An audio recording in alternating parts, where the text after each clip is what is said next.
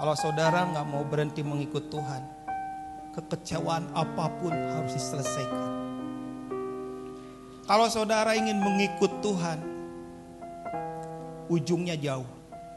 Tapi kalau saudara ingin berhenti karena kecewa kecil, ujungnya yang awal akan jadi yang akhir. Kekecewaan itu nggak gampang. Kekecewaan itu sebuah benih kecil. Di rumah saya itu kalau saudara lihat tuh di rumah tuh di belakang tuh punya punya vertical garden kami itu sebenarnya. Cuma kecil beberapa biji titik.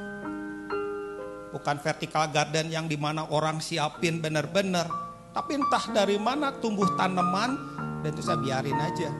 Ada celah-celah batu, di situ tanaman tumbuh. Kekecewaan seperti itu. Bergerak di dalam hati.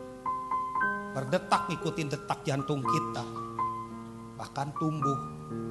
Lama-lama si hati kita yang tadinya murni jadi nggak murni lagi. Yang tadinya kita bukan orang yang yang bersungut-sungut di dalam. Tapi tiba-tiba kita kok jadi orang yang bersungut-sungut di dalam. Terus ada suara yang makin lama-lama menggeser suara Tuhan. Itu apa?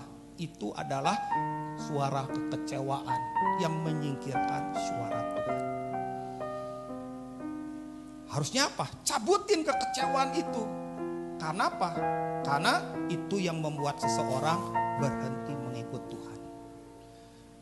Apa saja yang membuat kita berhenti mengikut Tuhan, hari itu kita akan menjadi orang yang awal menjadi yang terakhir.